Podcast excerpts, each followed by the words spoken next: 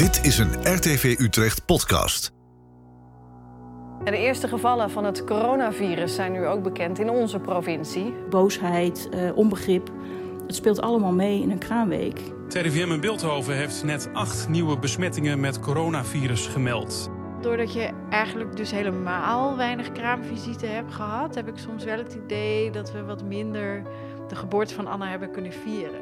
Een van de slachtoffers komt uit Houten. Een jaar geleden kwam corona in ons leven. Een jaar waarin een terrasje pakken op de Neude opeens heel bijzonder werd. In deze RTV Utrecht podcast hoor je mensen die direct met corona te maken kregen. De crisis die bij ons begon bij een man uit Houten. Als je een eerste kind krijgt, staat je wereld op zijn kop. Van een wereld waarin achteraf bezien alles mogelijk is, verandert hij naar een wereld die ineens alleen nog maar draait om voedingen, poepen en slapen. Gelukkig is er in ons land altijd een helpende hand in de buurt van de jonge ouders. De kraamverzorgende. Maar wat als die niet mag komen? En wat als je je pasgeboren baby niet aan je ouders kan laten zien, omdat ze bijvoorbeeld een snottebel hebben? Een baby krijgen is geen kattenpis en al helemaal niet in coronatijd. Daarover hoor je in deze aflevering Nienke en Joost uit Utrecht. Het stel kreeg vlak voor de eerste lockdown hun eerste kind. Ze waren vooral met de zwangerschap bezig, niet zoveel met corona. Maar toch gaf het ze wel wat kopzorgen, vooral vlak voor de bevalling. Toen hoorde ik wel dat er ergens in, in het DIAC of zo de eerste coronapatiënt was opgenomen. En toen dacht ik wel even, oké, weet je, met die bevalling, ik hoop dat dat allemaal oké gaat. Maar dat was het eigenlijk ook wel. Ja, maar er waren wel al een paar ziekenhuizen waren gesloten. Of er werden geen nieuwe patiënten aangenomen. En dat vond ik ook wel spannend. Er was in Eindhoven volgens mij was er een ziekenhuis wat, uh, wat geen patiënten meer opnam. En toen waren wij ook wel bang voor dat we niet naar DIA konden gaan. Op 8 maart 2020 werd dochter Anna geboren. Zoals gewenst in het Diakonessenhuis in Utrecht. Twee weken voor de eerste lockdown. Na de bevalling, toen zijn jouw ouders nog naar het ziekenhuis gekomen. Ja. En mijn vader is naar het ziekenhuis gekomen, maar mijn moeder al niet, want die had een kuchje. Dus toen merkte je dat de eerste tekenen er wel waren dat mensen voorzichtig aandeden. En um, later is mijn moeder gelukkig wel nog even kunnen komen. Maar daarna heeft het weer een paar weken geduurd. Nee, mijn broertje zou komen op de vrijdag nadat Anna geboren was. En Anna was inderdaad op zondag geboren. En um, toen hoorden we zo aan het begin van die vrijdag van nou, je moet eigenlijk maar niet meer met het OV. En uh, dus toen hebben we dat inderdaad gecanceld. En hij heeft haar, denk ik, nou toen ze een week of zes, zeven oud was, voor het eerst een keertje gezien. Toen konden we in de tuin zitten en uh, nou, toen vonden we het veilig genoeg. Mireille Zijderveld-Jonkman werkt als zelfstandig kraamverzorgende in Houten. Ze heeft haar werk het afgelopen jaar enorm zien veranderen een jaar geleden uh, kon ik een kraamvrouw gewoon echt vastpakken als er tranen zijn. Um, en als er geen partner in de buurt is om, om daarbij te ondersteunen. Dan hou je elkaar gewoon even vast. En dan even uithuilen op een schouder is anders dan uithuilen in een zakdoekje terwijl er iemand op anderhalve meter met een mondkapje zit. Een jaar geleden was het, um, mochten we eigenlijk nog alles in de, in de gezinnen. We hoefden geen mondkapje op. Um, als er geen klachten waren, konden we gewoon ons ding doen. Maar zodra er klachten waren, en er waren toen nog geen testen die direct gedaan konden worden. Dat was echt als er zware verdenkingen waren. Um, dan mochten wij uh, of niet naar de mensen toe. Dan moesten we de zorg op afstand verlenen. Dat wil zeggen met beeldbellen en dan tips geven hoe je een luier verschoont. Dus op afstand.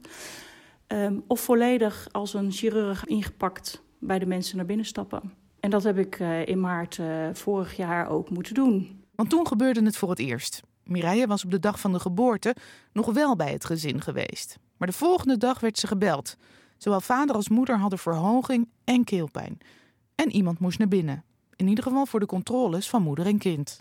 Ik ben naar die mensen toegegaan en uh, ik heb ze gezegd van jullie moeten boven blijven de gang van uh, naast de voordeur wordt als sluis he, aangemerkt. Daar ga ik me omkleden en ik kom helemaal ingepakt met spatbril, haarnetje, mondkapje, um, chirurgische schort, overschoenen. Kom ik bij jullie boven, handschoenen aan. En die mensen die zaten daar, die mevrouw, ik zie het nog zo voor me, die zat op het bed met een babytje in de armen. En die man zat op de stoel daarnaast. En ze zaten echt een beetje zo van afwachtend van wat gaat er gebeuren. Ehm, en ik kwam, daar binnen, dus nou, ik, mijn bril die ik op had, die besloeg. Want het was warm daarbinnen natuurlijk. En ik voelde me als een chirurg. En ik stond daar in een kraamsetting bij mensen thuis. Dus dat voelde echt verschrikkelijk. Hulp konden deze mensen goed gebruiken, want het was ook hun eerste kind. En moeder was aan bed gekluisterd, want bevallen via een keizersnede. Ik ben daar drie uurtjes geweest. En uh, toen heb ik me weer in die gang, helemaal binnenstebuiten, weer alles uitgekleed en in een vuilniszak dichtgeknoopt. En die moesten zij dan weggooien. En uh, zo ben ik weer, uh, weer weggegaan. En ik heb die mensen de rest van de week door de telefoon geholpen. Want we hadden maar één set beschermingsmiddelen, dus ik kon niet terug. En dat voelde als um, nou ja, heel erg onaf. Ik, ik, ik had net zo goed die mensen niet kunnen helpen voor mijn idee. Ze deden het echt heel stoer, uh, maar ze bleven klachten houden, dus ik mocht niet terug. Nienke en Joost hadden met de geboorte van Anna twee weken voor de lockdown nog wel een kraamverzorgende over de vloer. Maar kraamvisite, dat zat er echt niet meer in. Sowieso heel veel kraamvisite hadden we ook, wilden we ook niet. Gewoon om Nienke te laten herstellen en om gewoon rustig aan te doen.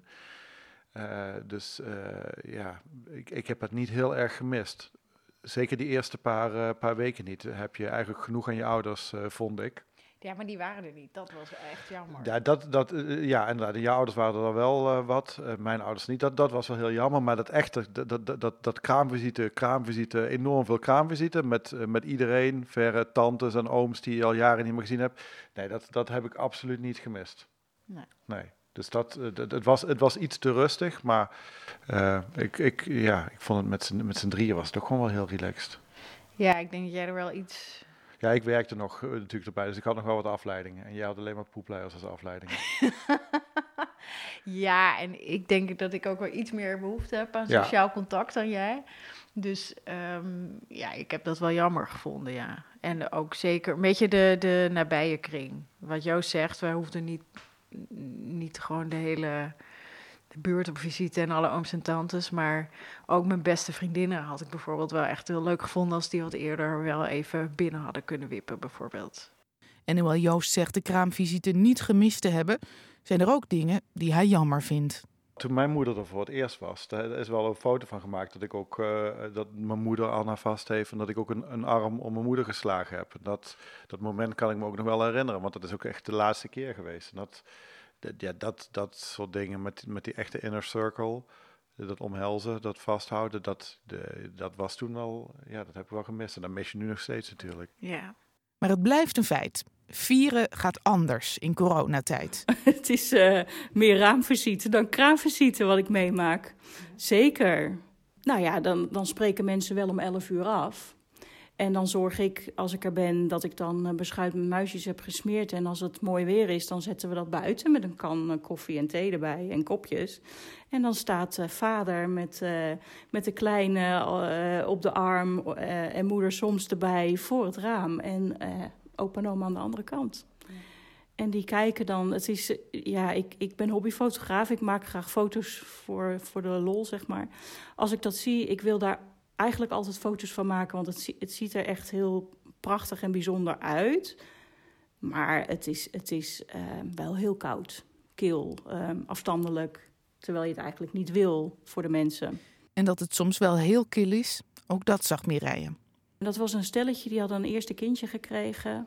En ik wist van de kraamvrouw, van de verse moeder, dat haar moeder nog niet zo heel lang geleden overleden was. En uh, vader, die was dus alleen en die wilde op raamvisite komen.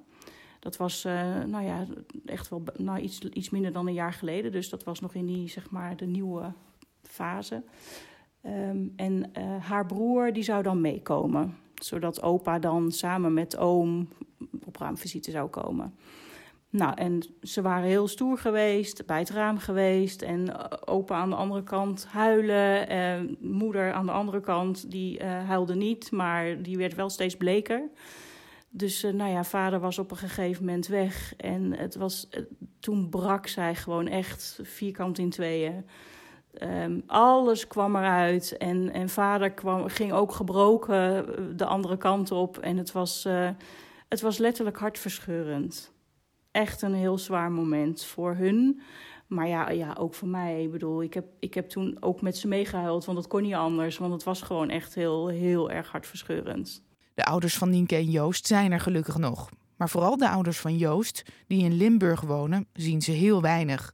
Maakt de komst van hun dochter minder feestelijk. Doordat je eigenlijk dus helemaal weinig kraamvisite hebt gehad, heb ik soms wel het idee dat we wat minder de geboorte van Anna hebben kunnen vieren. Ehm, en dat komt nu ook weer, want ze wordt natuurlijk volgende week één jaar. En ook nu, hè, een, een, een feestje, een klein feestje, ehm, dat, ja, dat, dat lukt eigenlijk ook weer niet. Dus dat soort dingetjes vind ik wel jammer, ja. Ik had het bijvoorbeeld heel leuk gevonden om in ieder geval van beide kanten even opa's en oma's uit te nodigen. En um, ook uh, ja, voor onze broers. Um, en dat is toch het samen dan uiteindelijk. En dat is denk ik juist ook wat we met z'n allen überhaupt heel erg missen, het samen. Um, dus tuurlijk gaan we het vieren. Want je kan altijd overal wel iets op bedenken. Dus we gaan het ook zeker vieren. Maar het stukje samen. En, en dat is er eigenlijk het hele jaar, denk ik wel. We zijn nog nooit een keer met z'n allen samen geweest. Want dat kan eigenlijk niet. Terwijl juist dit ook iets is. Wat hoort ook bij. Wat toch ook echt wel iets is van ons allen. Natuurlijk, ze is onze dochter, maar ja, hè, je deelt het toch wel heel graag met je familie. Precies dat ziet ook Mireille veel gebeuren. Families willen samen zijn bij een geboorte. Juist op zo'n moment, als er een babytje geboren wordt, zo'n babytje zorgt voor schuiving in familiebanden. Hè? Ik bedoel, uh, vader, moeder worden opa, oma en alles schuift en, en frikt aan alle kanten. En, en dan komen emoties vrij. Mooie emoties, maar ook verdrietige, uh, boosheid, uh, onbegrip. Het speelt allemaal mee in een kraamweek. En als dat dan achter het raam moet en, en op afstand, dan um, kun je het ook niet goed met elkaar oplossen. Een mens is een kuddedier, die hoort elkaar vast te kunnen pakken. Um, en als dat niet kan, dan schuift het, uh, het probleem wat er dan even op dat moment is, dan, dan schuift het gewoon door. Het, het kan niet opgelost worden. Toch zaten er voor Nienke en Joost, vooral in de beginperiode, ook voordelen aan de lockdown. Voor mij was het heel fijn dat ik. Um, ik werkte toen drie dagen in de week. En dat moest allemaal vanuit huis. En dat was super fijn. Want ik heb die drie werkdagen kon ik uitsmeren over vijf dagen. Waardoor ik elke dag Nienke wat kon ontlasten. Dus ik ben vanaf, elke, vanaf het begin ben ik met Anna gaan wandelen. En ook helpen met luiers verschonen de, de, gedurende de dag. En, en dingen in het huishouden doen. En um, daar had ik dus ook de tijd voor, omdat ik niet zo heel veel werkte. Maar ook gewoon dat ik thuis was, kon, dat, kon dat heel goed. En dat vond ik wel heel fijn. Maar al met al overheerst ook bij hun een gevoel van... het had allemaal zo anders kunnen zijn. Ik dacht eerst wel, dacht ik... Kut, jongens, daar gaat me. Ik had gewoon wat langer zwangerschapsverlof genomen. Dus ik dacht ook, jeetje, het vloog me echt wel aan. Van dan zit ik die hele zwangerschapsverlof, zit ik, zit ik thuis en... Um, uh, wat ga ik dan doen in godsnaam? En uh, ik had natuurlijk ook bedacht dat ik dan, nou, als ik weer een beetje hersteld was van die bevalling, dat ik gewoon lekker met die kinderwagen er ook even op uit en even met vriendinnen een terrasje pakken of zelf even ergens naartoe of nou ja, gewoon van die kleine dingetjes. Het hoeft ook allemaal niet heel groot, maar ja, dat kon allemaal niet. Dus dat was best wel, mij heeft het wel een paar keer ook ook toch wel een beetje aangevlogen. En daar ben ik ook wel zagrijnig over geweest. Op een terras zitten met haar en een beetje pronken met haar. Uh, of dat we bijvoorbeeld in de winter dat je naar Springhaven toe gaat en daar uh, even een biertje gaat drinken terwijl zij op je schoot zit. En dat iedereen je verliefd zit aan te kijken. Of haar verliefd zit aan te kijken natuurlijk. ja, dat, maar dat, maar, dat uh, die tijd is geweest. Maar dat, maar dat, dat mis ik wel natuurlijk. En, want, en dat is inderdaad dat je het. Want het, is natuurlijk hartstikke leuk, zo'n kind. Maar als je dan andere mensen zo verliefd naar je kind ziet kijken, denk je, ja, het is ook wel echt heel bijzonder. En dat, dat hebben we laatst wel gehad toen we met haar in het. Hebben we in een plastic bak gedaan en zijn we met haar gaan, uh, gaan sleeën. En dan zie je de, iedereen zie je dan heel vrolijk naar haar kijken. En dat, dat zou je wel vaker willen. En dat kan natuurlijk niet. Toch zit het niet in hun karakters om bij de pakken neer te gaan zitten. We hadden soms het idee dat mensen het eigenlijk zieliger vonden voor ons uh, dan dat wij dat op dat moment vonden. ja, dat had wel als resultaat dat mensen soms ook hele leuke hadden. Vonden een cadeautje voor de deur of uh, mensen leuke cadeautjes hebben opgestuurd. En uh, dus wat dat betreft heeft iedereen ook wel weer geprobeerd om er wat van te maken, wat leuks van te maken voor ons. Het kan heel schrijnend zijn, maar je hoort toch ook wel van stellen dat het eigenlijk wel heel relaxed is. Dat de buurvrouw gewoon niet binnen kan komen. Um, en dat je rustig kan wennen met het kleine babytje wat eigenlijk uh, zelf niks in de gaten heeft. Ik bedoel, zo'n baby, als die op zijn vader of zijn moeder geplakt ligt, dan is het all good, zeg maar. Dus zo'n kleintje wordt ook gewoon meer ge gepamperd en bijgenomen. En daar zitten voor een baby, die geboren wordt als klein aapje met als oergevoel, um, enorm veel voordelen aan. Het hechtingsproces gaat naadloos. Als een moeder borstvoeding wil kan geven, gaat het ook veel minder met, met problemen gepaard. Um, dus voor een, voor een klein pasgeboren wezentje is het eigenlijk alleen maar goed. In de volgende aflevering van deze podcast hoor je Melanie uit Utrecht. Toen kwam natuurlijk in maart de eerste lockdown. En toen dachten we, nou, tegen de tijd dat wij klaar zijn met verbouwen, is dit wel over. Zij opende vorig jaar samen met haar man Willem een restaurant in Leidse Rijn. Dus wij zijn gewoon doorgegaan en toen kwam de zomermaanden en toen mocht de horeca toch wel weer open. En toen, uh, nou, wij zijn op 4 oktober zijn we open gegaan. En uh, tien dagen later konden we weer dicht. Er zal echt wel uh, een einde komen aan dit. dit hadden we niet verwacht.